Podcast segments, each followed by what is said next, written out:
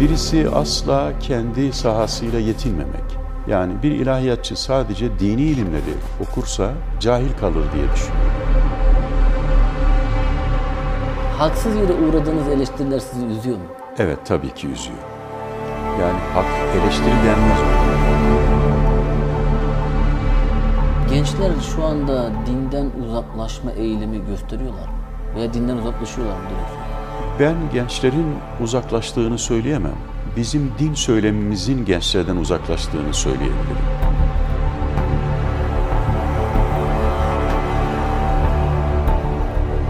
Her şey sarf edildikçe azalır, ilim sarf edildikçe çoğalır. Ben size kıblesi hiç değişmemiş İstanbul'dan selam getirdim. Siz bu görev sürecinizde en çok zorlandığınız ne oldu?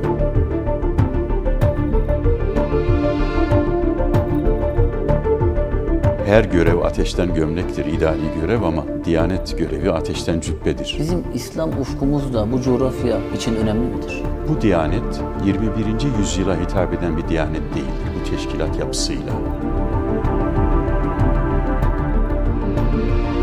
Hocam malum Ramazan ayındayız.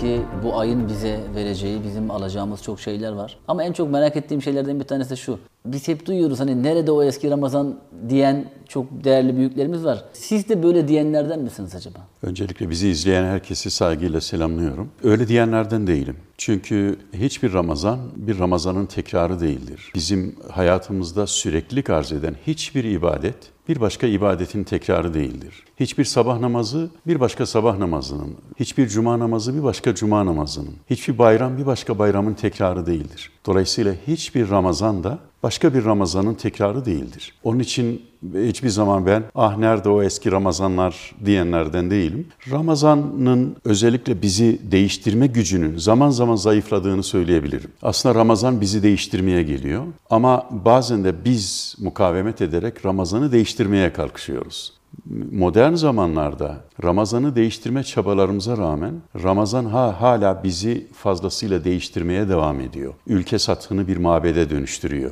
Geçen sene hatırlayalım Geçen sene bizi e, korona sürecinde geldi ve karantinada yalnızlığımıza eşlik etti. Bu sene gerçekten asrın felaketi denilebilecek büyük bir depremden sonra bize sabır getirdi, bize sekinet getirdi, bize dayanışma gücü getirdi, dayanma gücü getirdi. Dolayısıyla her her sene gelen Ramazan kendi yenilikleriyle gelir ve hiçbir zaman eskimez. Ben e, Adem Bey Ramazan'ı kendi söylemim içinde hep bir özgürlük mektebi olarak tavsif ederim. Ramazan bir okul, bir mektep ve bir insana irade özgürlüğünü öğreten, kendi e, arzularına esir olmamayı öğreten çok muhteşem programı olan büyük bir ibadet. Fakat bu okulun tembel öğrencisi olur, çalışkan öğrencisi olur. Hatta enteresandır, oruç tutmayanlar da bu mektebin öğrencisidir bence. Bu mektepte sınıfta kalanlar vardır, sınıfta geçenler vardır. Fakat mektebin sürekliliği daimidir. Hiçbir zaman değişmez. O bizi değiştirmeye devam eder. Aliya'nın güzel bir sözü var. Der ki Ramazan ve oruç çiftçinin kulübesiyle kralın sarayını eşitleyen bir okuldur, bir mekteptir. Belki bu eşitleme zayıflamış olabilir. Eskiden olduğu gibi yani çiftçinin kulübesiyle kralın sarayını eşitlemekte zorlanıyor olabilir. Ama buna rağmen aradaki mesafeleri azalttığını rahatlıkla söyleyebilirim. Dünyada İslam coğrafyasında orucun felsefesini bir kişi yazdı. O da merhum Sezai Karakoç. O şöyle der.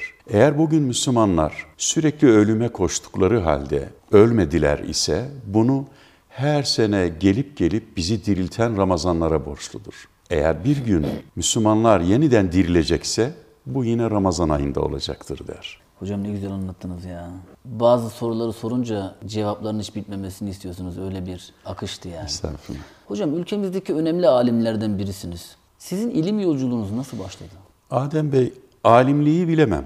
Alimlik zor zanaat. Çünkü bizim medeniyetimizde alim ve alem tasavvuru aynı tasavvurdur. Bir kişiye alim diyebilmek için bütün aleme faydalı bilgiler üretmesi ve o bilgilere uygun bir hayat ortaya koyması gerekiyor. Aleme hitap etmeyenle alim denmez. Bunun için şahsen alim olduğumu söyleyemem.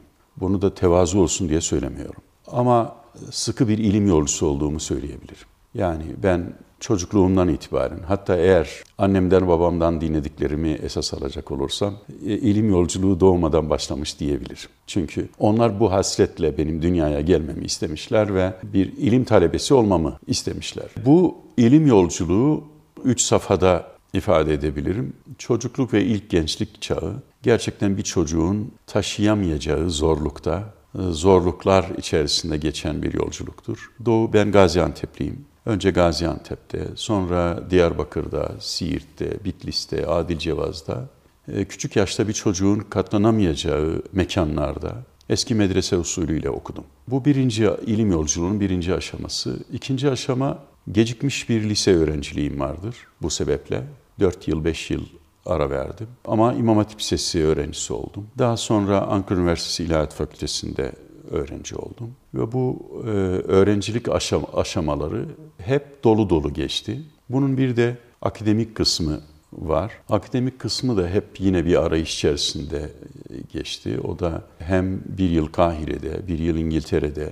Fakat bu öğrenciliğim esnasında ilim dediğiniz şey aslında merak konusudur. Hep bilgiye susamış ve bilgi ve hikmetin peşinde e, koşturan bir öğrenci olarak kendimi gördüm. Bugün de hala devam ediyor. Bugün de burada bu enstitüde öğrencilerimle beraber, e, gençlerle beraber yine aynı yürüyüşe, aynı yola devam ediyorum. Dolayısıyla e, alim olduğumu söyleyemem ama iyi, iyi bir ilim yolcusu olduğumu söyleyebilirim. Ama en azından biz söylemiş olalım. Estağfurullah. Ankara Üniversitesi İlahiyat Fakültesi'nde siz okudunuz. Nasıl bir öğrenciydiniz? İki çeşit üniversite öğrencisi vardır. Dersine çalışanlar ve çalışmayanlar mı? Değil, değil hiç öyle değil. Biri bütün hayatı sınıftan ibaret olan, sınavlardan, vizelerden ibaret olan ve görünürde karnesi çok yüksek olan ama bence çok başarısız öğrencidir o öğrenci. Evet. Yani hayatı sınıfa taşıyan ve sınıftan ibaret olan öğrenci. Komşunun çocuğu yani. Evet. Hep komşuların çocukları örnek verilir ya. İkinci öğrenci ise sınıfı hayata taşıyan öğrenci. Oradaki bilgilerle yetinmeyen, oradan aldıklarını sürekli hayata taşıyan bir öğrenci. Ben daha çok ikinci öğrenci olmayı tercih ettim. Hocalarımla kıyasıya tartıştım. Problemli olan her meselenin üzerine yürüdüm. Sınıfla yetinmedim. Kütüphane müdavimi oldum. Ankara'ydı, Ankara'da öğrenciliğim ama mesela iki kütüphaneyi çok iyi bilirim. Biri Milli Kütüphane, bir de Bilkent'in kütüphanesi. Evet. Orada benim oturduğum yerler belliydi. Herkes derdi ki oraya oturma, oranın sahibi var derdi.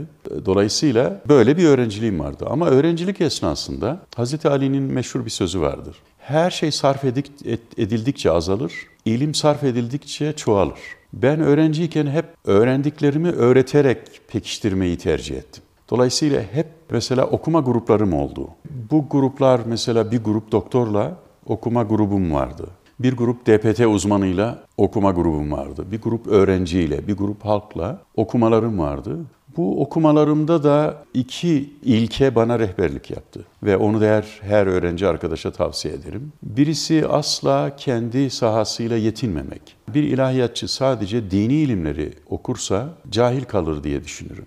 Çünkü insanı, vahyi ve tabiatı birleştirmek zorundayız. Bu sebeple ben tarih, sosyoloji, felsefe yani insan bilimleri, sosyal bilimler, hatta zaman zaman merak ettim, zayıf olduğum tabii ilimlerde hep okumalar yaptım. E, ikinci bir ilke ise e, şahısların dünyasına hayatımı mahkum etmedim. Yani sadece belli yazarları okumadım. Sadece doğudaki alimleri okumadım. Batıdaki alimleri de okudum. Sadece kadim alimlerimizi okumadım. Çağdaş İslam düşünürlerini de okudum. Dolayısıyla bütün bunları birleştirerek çok zengin bir öğrencilik hayatımın olduğunu ifade edebilirim. Eş zamanlı e, Ankara'da şimdi AFAD var eskiden Afet İşleri Genel Müdürlüğü vardı. Evet. Orada 500 mühendis vardı. Onlara iki sene gönüllü cuma imamlığı yaptım aynı zamanda. İlk defa elinde not defterleriyle hazır bulunan bir cemaatim oldu. Bu, bunlar da öğrenciliğimi daha çok zenginleştirdi diyebilirim. Yolculuğunuzdaki önemli tuğlalardan biri aslında belki de evet. unutamayacağınız. Evet. Üniversitedeki arkadaşlarınızla görüşür müsünüz? Var mı böyle zaman zaman diyalog kurduğunuz? Yani hem de çok sıkı görüştüklerim var. E, çünkü bu öğrenciler içerisinde zihinleri ve kalpleri birbirine yakın olanlar beraber okumalar yaparlar. E, bizim teneffüs aralarında okumalarımız vardı. Yemek kuyruğunda Mesela müzakerelerimiz vardı. O arkadaşlardan ikisiyle biz beraber mezun olduk. Master'ı, doktoru, doktorayı beraber yaptık. Kahire'de, İngiltere'de beraber bulunduk. Diyaneti beraber yönettik. E, Şimdi burada da beraberliklerimiz devam ediyor. O şekilde dünyanın muhtelif yer, yerlerine dağılan çok arkadaşım var. E, Onlarla e, hala dostluklarım devam eder. Okul döneminde böyle tanın, tanıdık arkadaşlarınız var mı Türkiye'nin de tanıdığı? Yani en azından o okuma gruplarım e, içerisinden e, bakan olan çok arkadaş var. Sağlık Bakanlığı'nı bir dönem yöneten üst düzey çünkü hem doktorlarla hem DPT müsteşarlarıyla okuma gruplarımız oldu. Ben şimdi isim vermeyeyim çünkü Sizin- büt- bütün bunlar talebelikti, hocalık değildi. Onlar da bana hocalık yapıyorlardı yani. Şimdi tabii Diyanet İşleri Başkanlığı görevi özellikle ülkemizde gerçekten zor bir görev. Bunlarla ilgili birçok sorular sorulabilir. Ama benim en çok merak ettiğim şeylerden bir tanesi şu. Kıldırmakta en çok zorlandığınız cenaze namazı hangisiydi? Estağfurullah yok benim zihnimde çok kalıcı olduğu için hemen anında geldi. O da tarihini tam olarak hatırlamıyorum ama Sakarya'da Suriyeli genç bir e, kadın 10 yaşında bir bebeğiyle birlikte dilim söylemeye varmıyor. Önce tecavüz edildi sonra hünharca katledilmişti. E, Ve ben Türkiye'de de çok büyük bir gerçekten bir isyan vardı. Yani halkta da bir isyan oluşmuştu. Onun e, Suriyelilerle, e, muhacirlerle, ensalar arasında bir soruna da yol açacağını düşünerek kendim gittim, kıldırdım. Kıldırmadan önce emniyet müdürü cinayetin nasıl olduğunu anlattı. Ve ben o haleti ruhiye ile kendimi cemaatin önünde buldum. Önümde gencecik bir anne ve 10 yaşında bir bebek vardı.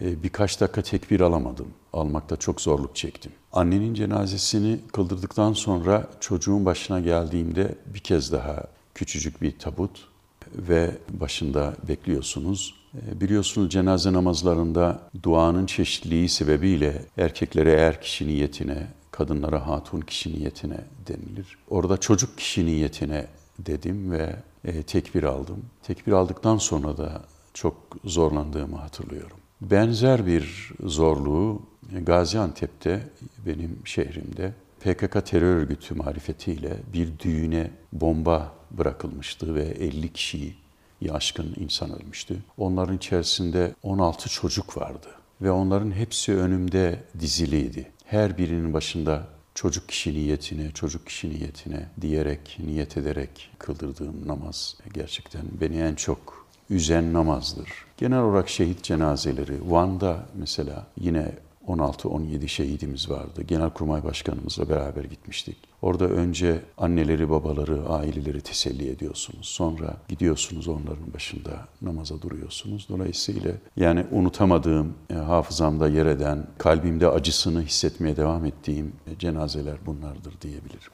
Yani siz şimdi anlatırken bile insan gerçekten bambaşka duygulara gidiyor. Bir de siz onu yaşarken tabii düşünmek çok zor ya. Hocam şimdi Habertürk'te katıldığınız bir program var. Benim orada e, bu programa hazırlanırken tırnak içerisinde mutlaka sormam gerekir dediğim bir soru var. Şimdi sizin ifadenizle okuyayım onu. Türkiye'nin bu toprakların geniş bir İslam ufku vardı. Bu ufku biz daraltmaya başladık diyorsunuz. Türkiye'nin İslam ufku, Türkiye'nin İslam dünyasındaki coğrafyadaki önemini biliyoruz. Bizim İslam ufkumuz da bu coğrafya için önemli midir? Çok önemlidir. Bizim burada din konusunda bir cümlemiz Rusya'nın içerisindeki 30 milyon Müslümanı, Türk Cumhuriyetlerindeki 200 milyona aşkın Kafkasya'daki Müslümanları, Balkanlardaki, yurt dışındaki millet varlığımızı ve bütün İslam dünyasında gerçekten e, dikkate alınır.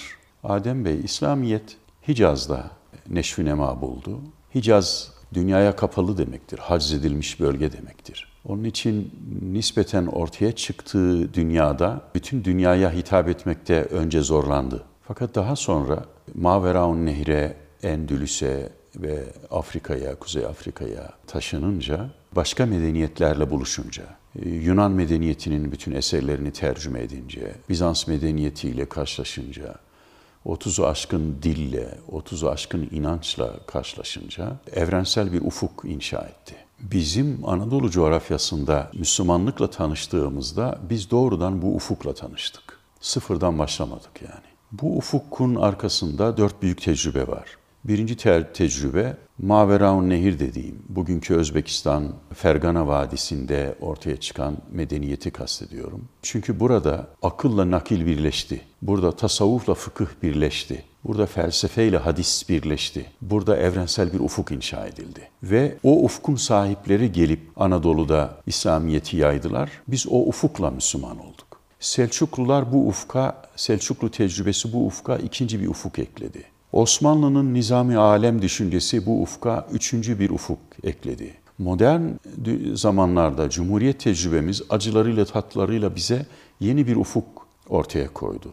Bütün bu ufuklardan hareketle ben bizim bu coğrafyada bütün dünyayı kuşatan, doğu, doğu batı ayrımını yapmayan, kadim cedid ayrımı yapmayan bir geniş İslam ufkumuz var. Bizim ehli sünnet anlayışı dediğimiz anlayış da aslında mezhep değil, böyle bir anlayıştır. Böyle bir şemsiye kavramdır, çerçeve kavramdır. Özellikle dijitalleşme ile birlikte, üzülerek belirteyim, din bir tartışma ve didişme malzemesine dönüştü.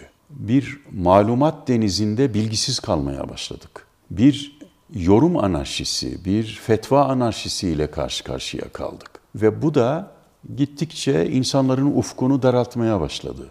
Selefilikle modernizm kıskacında kaldık. Yahut alaylı mektepli ihtilafı, üzülerek belirteyim, kendisini din jandarması olarak gören insanlar ortaya çıktı. Reddiyecilik adı altında hem geçmişe dönük tarihi karalamaya başladı bazı insanlar. Yani İbn Sina'ların, İbn Rüşd'lerin ki bu medeniyetin yüz, ağı, yüz akı insanlardır. Farabileri tekfir eden düşünce bugün bu topraklardan da neşet edebiliyor.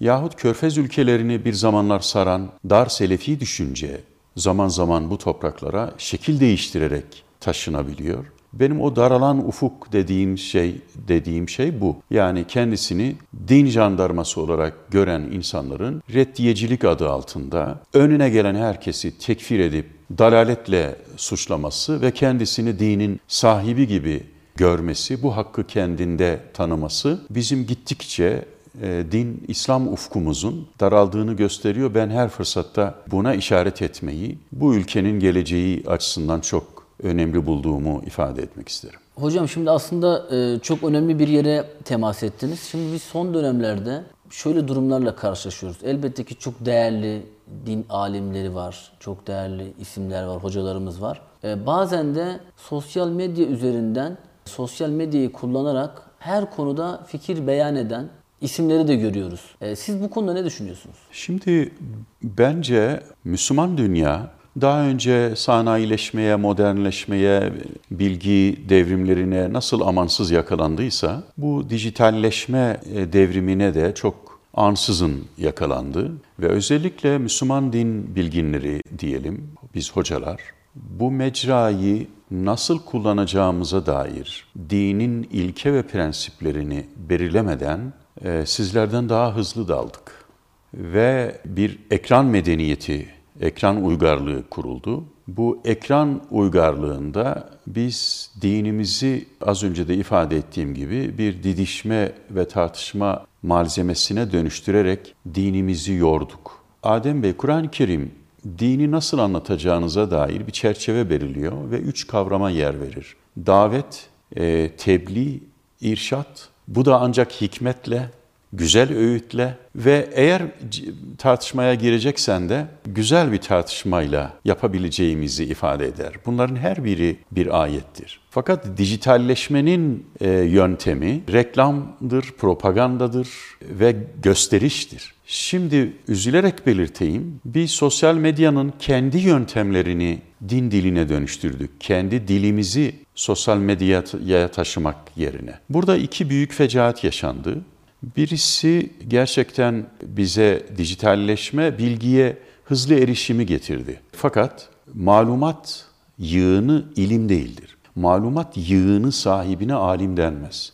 Alim olabilmesi için bu malumatın doğrusunu ve yanlışını birbirinden ayırt etme gücüne sahip olması lazım. Biz buna usul diyoruz. Usul yetmez, edep lazım. Yani tartışma ahlakı lazım. Bütün bunlardan yoksun olarak rastgele insanların aklına gelen her şeyi hemen ekranı açıp ifade etmeye çalışması e, dine hizmet etmiyor. Bilakis insanları daha çok dinden uzaklaşıyor. Ben bir çağrıda bulundum bir tarihte. Bu vazifeyi yapan iyi niyetli bütün arkadaşlarımıza bir araya gelelim. Belki bir ay, iki ay birlikte çalışalım dedim. Çünkü bir hocanın bir cümlesi ertesi gün Vatikan'da tartışılıyor, Amerika'da tartışılıyor. Sadece Müslüman dünyada değil, gayrimüslim dünyada da tartışılıyor. Gençleri dinden uzaklaştırıyor. Hocam tam böyle de bir soru soracaktım aslında. Hemen onu da belirteyim. Gençler şu anda dinden uzaklaşma eğilimi gösteriyorlar mı? Veya dinden uzaklaşıyorlar mı direkt sorayım. Ben gençlerin uzaklaştığını söyleyemem. Bizim din söylemimizin gençlerden uzaklaştığını söyleyebilirim. Yani bizim din dilimiz, din söylemimiz, din anlayışımız, din anlatımlarımız sürekli gençlerden uzaklaşıyor. E, çünkü ben İslam dininin e, fıtrat dini olduğuna inanırım ve gençlerin e, fıtrata daha yakın olduklarını düşünürüm. Gençlerin vicdanı biz yetişkinlerin vicdanından daha diridir. Vahyi anlamaya çok daha hazırdır. Gençlerdeki adalet duygusu bütün yetişkinlerin adalet duygusundan çok daha yüksektir. Dolayısıyla gençlik dönemi, çocukluk dönemi taklit dönemidir. Ama gençlik dönemi tahkik dönemidir. Ne demek bu? Yani tahkik dönemi niçin ve nasıl sorulara sorularına cevap verebilen bir dönemdir. Siz gençlerin niçin ve nasıl sorularına cevap vermezseniz ve sonra size kızdığı zaman onu dinden uzaklaşıyor diyemezsiniz. Gençlerin soruları var, sorgulamaları var. Mühim olan bizim bu sorulara ve sorgulamalara cevap vermemizdir. Ben bir tarihte Gençliğin Anlam Arayışı diye bir kitap yazdım. O onu yazmada yazarken söylediğim bir şey vardır. Gençlerin bugünkü tavrını ben Hazreti İbrahim'in tavrına benzettim. Bana kızdılar ama kızsınlar ben söylemeye devam edeceğim. İbrahim tevhidin peygamberi. Yani tevhid, Hazreti Peygamber bile ben atam İbrahim'in duasıyım buyurur. Kur'an-ı Kerim İbrahim'i başlı başına bir ümmet olarak bize tas, tasvir eder. İbrahim diyor ki e, Cenab-ı Hakk'a, Rabbim bana gösterir misin ölüleri nasıl diriltiyorsun? Kur'an'da bir diyalogtur bu. Rabbi cevap verir, inanmıyor musun der. İnanıyorum ama kalbim mutmain olsun istiyorum der. Bugünkü gençler de inanıyorum ama aklım mutmain olsun diyor. Kalplerine ve akıllarına dokunacak, İslamiyet'in az önce o ifade ettiğim evrensel geniş ufkunu, adaletini, rahmetini, ibadetinin felsefesini, namazı, namaza davet etmeden önce niçin namaz kılmamız gerektiğini, secdeden önce niçin secde ettiğimizi eğer kalbine ve aklına dokunacak şekilde doğru anlatırsak inanıyorum ki gençler uzaklaşmaz. Her nesil kendisinden sonraki nesli kayıp nesil görür ve biz yetişkinler bir araya geldiğimiz zaman en çok yaptığımız muhabbet ne olacak bu gençlerin hali diyoruz. Bunu bütün asırlarda yaptık.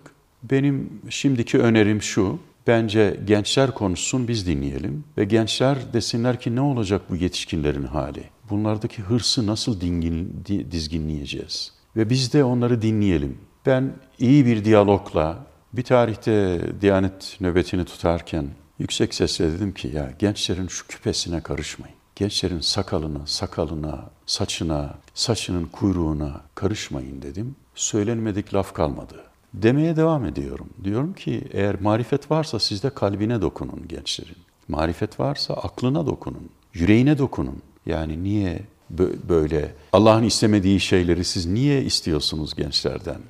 Diyorum. Dolayısıyla iyi bir söylemle, doğru bir din diliyle, e, niçin ve nasıl sorularını sabırla cevapladığımız zaman bu topraklarda hiçbir genç kendi inancından uzaklaşmaz. Çünkü e, bizim inancımız varlığın ruhudur. Varlığı gören inancına döner zaten. Öncelikle çok teşekkür ediyorum. Yani gerçekten böyle çok samimi bir röportajın ötesinde aslında bir sohbet. Benim de bilgilerden kazanım elde ettiğim bir sohbet oluyor. Şimdi siz anlatırken şeyi açıkçası çok merak ettim. Yüksek perdeden bunu söyledim dediniz. Zaman zaman eleştirildiğinizi söylüyorsunuz. Tabii ki zaman hepimiz eleştiriliyoruz aslında. Ve eleştiriye açık olmak lazım. Bazen de haksız yere eleştiriler de oluyor. Yani anlattığınız şeyin böyle biraz e, istikametinden saptırılması veya bağlamından koparılması gibi durumlar. Haksız yere uğradığınız eleştiriler sizi üzüyor mu? Evet tabii ki üzüyor. Yani hak eleştiri denmez ona. İçinde yalan, iftira, dedikodu e, olan, içinde kötü niyet olan şeyler var. İthamlar söz konusu oluyor. Evet. Elbette insan o zaman iki sebeple üzülüyor. Beşersiniz, insansınız. etkileniyorsunuz ve diyelim ki eğer kendimden örnek verecek olursam ben şimdi haftada bir burada Bangladeş'e ders veriyorum. Fas, Tunus, Cezayir'de burada yaptığım her dersi takip eden ilim adamları var. Ama senin topraklardan birisi çıkıp bu adamı dinlemeyin, bu adam zaten şudur, şudur, şudur diye e, iftira atıyorsa bu sefer o insanlarla olan o diyaloğunuzda da e, onlar bunu duyuyor. Soruyorlar bu nedir, ne kastediyor, siz ne yaptığınızda böyle diyorlar. Bir, bir işin bu boyutu var. E, bir de ben aslında o hocalık kisvesi adına üzülüyorum. İşte din alimi olarak bilinen bir insanın peygamber kürsüsü olarak bildiğimiz bir kürsüden insanlara dini mübini İslam'ı anlatmak yerine tamamen Kur'an-ı Kerim'in yasakladığı ve dedikoduları, yalanları, iftiraları oraya taşıdığı zaman İslam adına insan üzülüyor dolayısıyla. Ben ilkesel olarak bugüne kadar hiç cevap vermedim. Arkada dava aç dediler, dava açmadım falan ama buna rağmen e, çok zorlandığımı ifade edebilir. Bu üzülerek belirdi. Sadece benim kaderim değil. Bizim tarihe baktığımız zaman İmam Ebu Hanife'nin maruz kalmadığı hiçbir teşbih yapıyor değilim yani. Ebu İmam Ebu Hanife'nin karşı e, itham edilmedik hiçbir şeyi bırakılmamıştır. E, bizim şimdi büyük imamlar, büyük alimler dediğimiz alimlerin hepsinin hayatında bunlar olmuştur. Keşke olmaması lazım. Ama bugün hiç olmazsa İletişim imkanları çok fazla. İnsanlar çok rahatlıkla muradınızı sorabilirler. Telefon ederler derler ki ya bundan ne kastettiniz derler. Bu yanlış anlaşılabilir bunu düzeltseniz çok memnun olurum diyebilirler mesela. Buna açık mısınızdır? Buna çok açığım yani. Çok çok açığım hem de. Bunu yapanı teşekkür etmekten başka bir vazifemiz olmaz yani. Ama üzülerek belirteyim taraftar edinme hevesi pek çok hoca geçinen insanı da kuşatmış vaziyette. E, başka bir şey görmüyor. YouTube diploması adamı alim yapmaz Adem Bey. Hocam Türkiye'de başörtüsü problemi tamamen rafa kalktı diyebilir miyiz? Yani bunun bir yasal düzenlemeye ihtiyacı var mı sizce? Yani Adem Bey yakın tarihimizde çok can yakan Türkiye'de on binlerce insanın eğitim hakkından mahrum kaldığı, kamu haklarından mahrum bırakan bir konu olduğu için elbette yani bir daha yaşamamak için, tarihten ibret alarak bir daha yaşamamak için eğer bir güvence altına alınırsa doğru olabilir elbette. Ama ben insanın temel özgürlüklerinin, inanç özgürlüğü, ifade özgürlüğü, inancını yaşama özgürlüğü gibi özgürlüklerin e, yasalarla teminat altına da alınamayacağını düşünürüm. Yani yasal boyut elbette önemlidir. Mühim olan birlikte yaşama ahlakını, birlikte yaşama hukukunu inşa etmek ve bir daha hiçbirimizin zihninden böyle bir şeyin geçmediği bir ülkeye dönüşmek. Yani bir zihniyet inkılabı, bir bir düşünce devrimi bu konuda e, çok daha önemlidir. Yoksa biri biri kanun yapar, öbürü de gelir o kanunu değiştirir. Evet. Nitekim daha önce de öyle oldu. Onun için benim asıl önemsediğim şey birlikte yaşama ahlakını ve hukukunu o kadar güzel inşa edelim ki bu topraklarda artık hiç kimse hiç kimsenin e, inancına müdahale etmesin, özgürlüğüne müdahale etmesin, nasıl inanacağına, nasıl giyineceğine, nasıl kuşanacağına müdahil olmasın. Mühim olan budur. Hocam Kudüs'te e, hutbe vermek ve namaz kıldırmak nasıl bir duygu? Yani ben bazen ekranda bile izlerken duygulanıyorum yani. E, arkadaşlarımızda da orayla ilgili böyle çok güzel bir belgesel planımızda var inşallah onu da gerçekleştiririz ama e, ben sizin o duygularınızı merak ediyorum. Yani ben doğrusu bana teklif edildikten, edildikten sonraki kısmı e, hatırlamıyorum desem abartmış olmam. Adem Bey aslında zamanın Diyanet İşleri Başkanı'nı Mescid-i Aksa'nın minberine taşıyan iki önemli gelişme oldu öncesinde. E, birisi 1970'lerde Dünyada İslam alimleri bir fetva vermişler ve demişler ki İsrail vizesiyle Kudüs ziyaret etmek caiz değildir, haramdır. Çünkü siz böylece İsrail'in varlığını tanımış olursunuz demişler. Bu fetva zamanla Kudüs'e, Mescid-i Aksa'ya ve Kudüslülere zarar veren bir fetvaya dönüşmüş ve e, Kudüs'teki insanları biz yalnızlığa mahkum etmişiz. E, Kudüslüler bu düşüncelerini benimle paylaştılar. Kudüs'lü alimler geldiler o zaman bana ve benim bu fetvanın değiştirilmesi için öncülük yapmamı, bilakis insanların Mescid-i Aksa'ya giderek sahip çıkmalarının bugün çok daha önem arz ettiğini ifade ettiler. Ve ben Allah rahmet eylesin O zaman bu fetvanın e, çıktığı yer Yusuf Kardavi'ydi. Sırf bu amaçla Katar'a gittim. Kendisiyle ve fetva heyetiyle görüştüm. Delillerimi serdederek bu fetvanın anlamını yitirdiğini, Kudüslileri yalnızlığa mahkum ettiğimizi, Mescid-i Aksa'yı garip bıraktığımızı ifade ettim. Ve hoca kabullenmekte zorlandı ama dedi ki Araplar gitmesin ama Türkler, Malezyalılar, Endonezyalılar gitsinler gibi bir fetvada bir değişiklik yapmak istedi ama ben bunun da doğru olmadığını ifade ettim. Fetvanın değiştirilmesinde etkim oldu. Onunla yetinmedim. Kudüs ziyaretini, umre ziyaretlerinin bir parçası haline getirdim. Tıpkı Osmanlı döneminde olduğu gibi. İlk kafilelerde 10 bin vatandaşımız, Umre'ye gitmek isteyen 10 bin vatandaşımız e, Mescid-i Aksa'yı da ziyaret ettiler. Bu Kudüs'te büyük bir bayram sevincine yol açtı. İkinci gelişme ise Gazze'yi e, zalim İsrail bombardımana tabi tutunca zaten açık hava hapishanesi. Orada 76 camilerini hedef aldı ve hepsini yıktı. Biz o zaman camilerden topladığımız paralarla e, bu camileri tamamını yeniden inşa ettik. Bu iki gelişmeden sonra da benim ilk defa e, Mescid-i Aksa'yı, Kudüs'ü ziyaretim gerçekleşti. Orada hakikaten Kudüsler bu gelişmelerden haberdar oldukları için çok büyük bir coşkuyla karşıladılar. Aslında daha önce bir gelenekti. Ben herhangi bir İslam ülkesine gittiğimde eğer Cuma'ya denk geldiyse mutlaka bizden hutbe okumamızı istiyorlardı ve hutbe okuyorduk. Sen Mali'ye gitmişsin. Mali'de Eyüp Sultan Camii'ni inşa ettik. İşte orada yahut Yavundi'den, Kamerun'un Yavundi'sinden Yemen'e kadar, Sudan'dan e, Rusya'ya, Amerika'ya kadar gittiğimiz yerlerde aynı zamanda cuma hutbelerini irade etmek gibi bir vazifemiz oluyordu.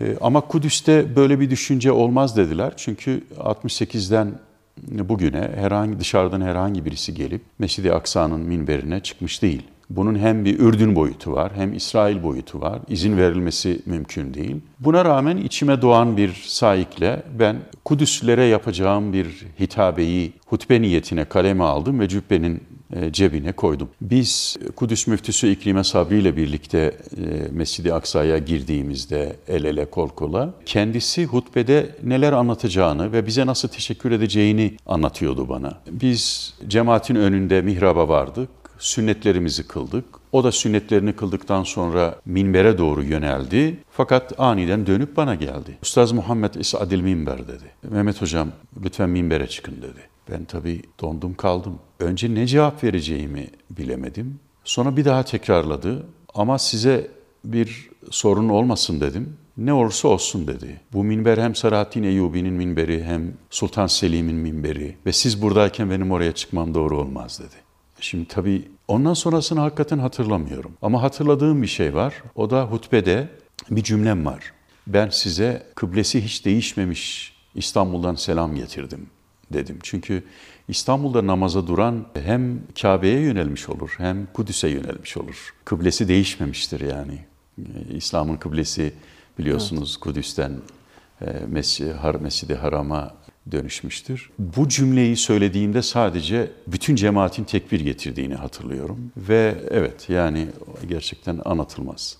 Hocam şimdi zaman da su gibi akıp geçiyor. Artık programın da yavaş yavaş sonlarına geliyoruz. Bir ülkede zannediyorum ki Diyanet İşleri Başkanı olmak ve o ülke Türkiye ise zor bir görev. Önemli bir konum. Yaptığınız, söylediğiniz her şey halka açık. Eleştirmeye hazır olan da bir kitle var. Siz bu görev sürecinizde en çok zorlandığınız ne oldu?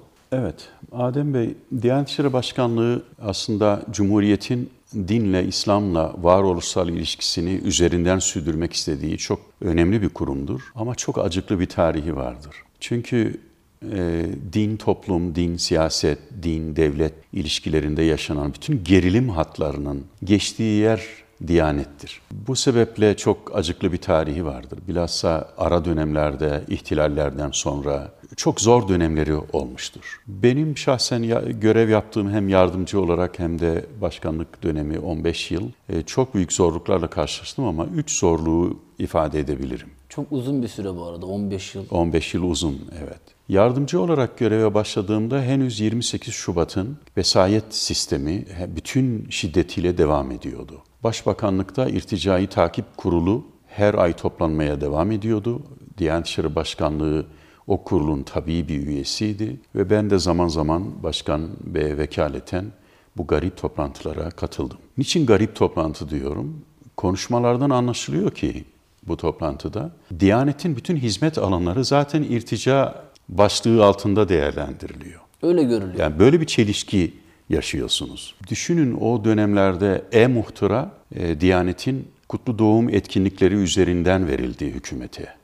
AK Parti'nin kapatılma gerekçeleri içerisinde neredeyse 21 madde Diyanetle ilgiliydi. Çocukların, ilkokulu bitirmeyen çocukların yazın camiye gitmeleri yasaklanmıştı. Bunu değiştirmek için o zaman Diyanet İşleri Başkanımız Ali Bardakoğlu hocamız bir yönetmelik değişikliği yapmak istedi. Kıyamet koptu.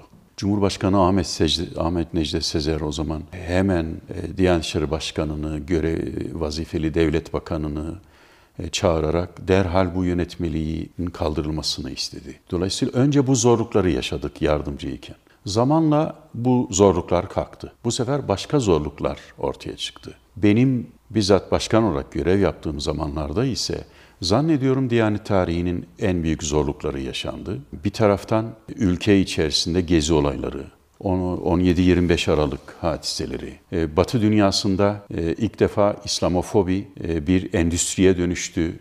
Bir her tarafta karikatür krizleri, Müslümanlar batıda bir ırkçılığa maruz kalmaya başladılar. İşit ve El-Kaide üzerinden bölgede vekalet savaşları o dönemde oldu. 15 Temmuz Türkiye'de yine bu dönemde oldu ve bütün bunların ekseninde din vardı. Öbür taraftan sizin kurumsal müktesebatınız bütün bu meydan okumalara karşılık veremiyor. Ve siz ancak kendi çabanızla ve kurumsal müktesebat içerisinden yararlanabileceğiniz her şeyi seferber ederek ancak bunları gerçekleştirebiliyorsunuz. Dolayısıyla bütün bütün bunlarda gerçekten çok zorlandım. Asıl üçüncü büyük zorluk ise şahsen yaşadığım yaman çelişkidir. Adem Bey, dinin tabiatı ile, din hizmetinin tabiatı ile, din hizmetinin bürokratik bir sisteme dönüşmesi arasında o kadar yaman bir çelişki vardır ki, bu çelişkiyi yaşamak başlı başına insana azap veriyor. Onun için ben Ankara'da her görev ateşten gömlektir, idari görev ama Diyanet görevi ateşten cübbedir. Gömlek vücudun yarısını yakar, cübbe tamamını evet. yakar. Bir de kafaya koyduğunuz ve bir siyah nokta kabul etmeyen bir sarık vardır. Onun için gerçekten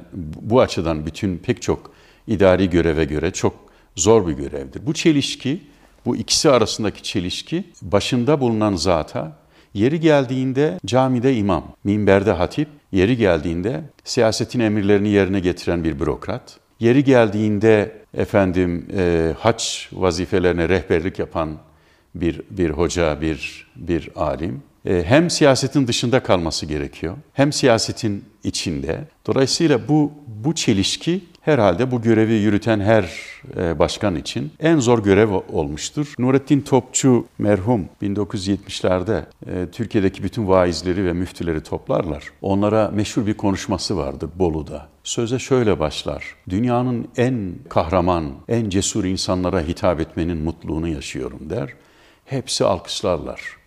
Hocalarım acele ettiniz der. Evet, ısrar ediyorum. Sizin gibi cesur insanlar, sizin gibi kahraman insanlar yok diyor. Niçin biliyor musunuz? Çünkü ahiret sermayesini dünyalık edinmek her baba yiğidin kârı değildir diyor. İşin bir de ahiret boyutu var. Bu, bu dünya ve ahiret boyutunu birleştirmek var. Onun için belki bize nasip olmadı ama ben bütün büyüklerimize hitaben bir dostları, bir kardeşleri, bir evlatları olarak söylüyorum. Bu diyanet 21. yüzyıla hitap eden bir diyanet değildir bu teşkilat yapısıyla. Bu diyaneti 60 ihtilali kurdu. Bu mevcut yapıyı 60 ihtilali kurdu. 21. yüzyılın diyanetini kurmak için ayakları üzerine durabilen ve her gün her konuşması din ve siyaset arasında bir gerilime yol açmayacak. Devlet içinde ama kendi e, yapısı içerisinde özerk, dini ve ilmi bakımdan hiç kimsenin müdahale etmediği, e, şahısların değil kurulların, büyük ilim adamlarından oluşan kurulların idare ettiği bir diyanete doğru evrilmek zorundadır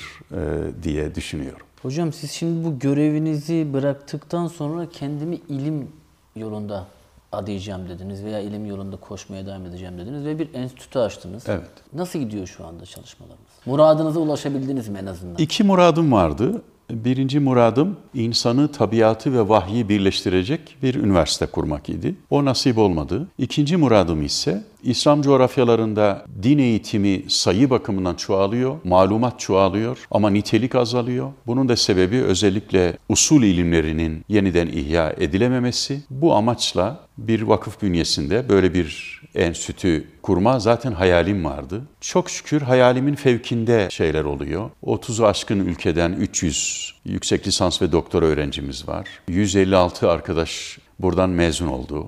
Malezya'dan Bangladeş'e, Özbekistan'dan İngiltere'ye pek çok dünyada benzer kuruluşlarla ortak işler yapıyoruz. Hem akademi bölümü var hem araştırma bölümü var. İlk mezunlarımızdan bazı arkadaşlarımız araştırmacı olarak burada görev aldılar. Dolayısıyla özellikle İslam düşüncesinde metodoloji, İslami ilimlerde usul, İslam düşüncesinde bilimlerin birliği, insan bilimleri, tabiat bilimleri ve vahiy bilimleri, İslam bilimleri arasındaki mesela burada ilahiyat ve matematik diye ders var. Yani bu üç bilgi alanını birleştirme çabamız devam ediyor. Ayrıca ahlak ve estetik alanlarında yüksek lisans ve doktora yapan öğrenci arkadaşlarla beraber iki yıllık sertifika programları uyguluyoruz. Bir yıl tamamen derslerle geçiyor, bir yıl daha çok atölye şeklinde çalışmalarla geçiyor ve gittikçe uluslararası boyutu da güçleniyor. Onun için Allah'a hamd ediyorum. Çok mutlu ve bahtiyarım. Peki torunlara vakit ayırabiliyor musunuz? Eskiden e, gece geç saatlere kadar burada çalışıyordum. Torunlardan sonra erken gidiyorum. Onun için yani mümkün olduğu kadar vakit ayırmaya çalışıyorum ve onları onları anlamaya çalışıyorum. Onlar da bazı açılardan bana hocalık yapıyorlar. Hem Ahmet Kerem hem Berire e, her ikisi de gerçekten e, hayatın tadını yaşatıyorlar, hissettiriyorlar. Ama tabii biraz da anlamaya çalışıyorum. Zaman zaman e, zorlanıyorum. Yani haftada bir gün bir dede torun günümüz olsun gibi bir karar alıyoruz ama o kararı uygulayamıyoruz çünkü iş çok. Geçen Ahmet Kerem bana dinozor çeşitlerini sordu. Ben bilmiyorum dedim. E, hani sana alim diyorlar, nasıl bilmiyorsun dedi yani. Onun için ilgilendiği alanları da öğrenmeye çalışıyorum. Böyle e, tatlı bir dedelikte devam ediyor diyebilirim. Yani. Şimdi zaten sizin aile bağlarınız e, çok güçlü. Bunu sizi tanıyan insanların hepsi bilirler. Siz torunu nasıl yorumlarsınız? Şimdi rivayet odur ki Türkçe'de bir atasözü vardır. Hani Hatice'ye bakma neticeye bak diye. Burada anne Hatice'yi küçük görmek değil gaye. Ama e, torun neti, hayatın neticesi olarak kabul edilir. Yani netice orada torundur yani. Ama tabii endişelerimiz de var. Yani insan daha çok Adem Bey, bizim neslimiz, gençliği konuştuk ama bizim neslimiz kendi değerlerini sonraki nesle aktarmakta çok zorlanıyor. Bizim dedelerimiz, atalarımız, babalarımız kendi değerlerini bize çok iyi aktardılar bence. Çok rahat aktardılar. Ama biz bunda zorlanıyoruz. Eğer bu zorluğu aşarsak zannediyorum dede torunu ilişkisi daha güzel olacaktır diye umut ediyorum. Hocam yani hem keyif aldım hem de çok şey öğrendiğim bir program oldu benim için. Ben gerçekten çok yoğun programınız içerisinde bu Ramazan gününde bize vakit ayırdığınız için çok teşekkür ediyorum. Biz tabii deprem sebebiyle çok uzun bir süredir röportaj yapamıyorduk. Deprem sonrasında da tabii süreç bir şekilde devam ediyor, ilerliyor. Hayatta bir şekilde akışında. E bizim de bu röportajları yapmamız gerekiyor. Dolayısıyla bu açılışı da sizinle yapmış olduk. Bizim için de bu mutluluk verici bir şey. İzin verirseniz bir de bir teşekkürü de ben yapmak isterim. Estağfurullah. Yani bu bu toprakların bir çocuğu olarak deprem zamanlarında deprem bölgesinden e, böyle oradaki bütün duyguyu, düşünceyi, hüznü, yası e, topluma yansıttığın için ben de hasreten e, size teşekkür ediyorum. Hocam görevimiz de herkes bir evet. şekilde işini yapmaya çalışıyor. Güzel ee, yaptınız. Benim önüme bilgiler hep geldi, gördüm. Çok teşekkür ederiz. Çok tebrik ediyorum. Bunları da sizden duymak çok, çok güzel. Çok tebrik ediyorum. Ama ben bu programı yaparken aslında şunu hissettim. Bizim sizinle bu ve bu tarz programları çok daha fazla yapmamız lazım. Çünkü e, dijital şu anda gerçekten e, aslında iletişimi domine eden önemli yerlerden bir tanesi. Şu an Türkiye'nin en büyük medya kurumları da e, dijital alanlara çok büyük yatırımlar yapıyorlar. Aslında buranın ne kadar ilerleyen süreçlerde de önemli olacağını gösteriyor. Ama gözün aklın yerine geçmesini istemiyorum. Peki bunu daha sonra konuşalım o zaman. Tamam. Arkadaşlar bugün önemli bir konumuz vardı. Ee, ben kendisine bütün title'ların ötesinde ismiyle hitap etmeyi daha önemli görüyorum. Çünkü bütün makamlara, bütün mevkilere o ağırlıkları veren kişilerin kendileridir. E, bu anlamda Sayın e, Mehmet Görmez konuğumuzdu. E, kendisine teşekkür ediyorum. Bir sonraki hafta yeni bir konukla karşınızda olacağız. Kendinize iyi bakın.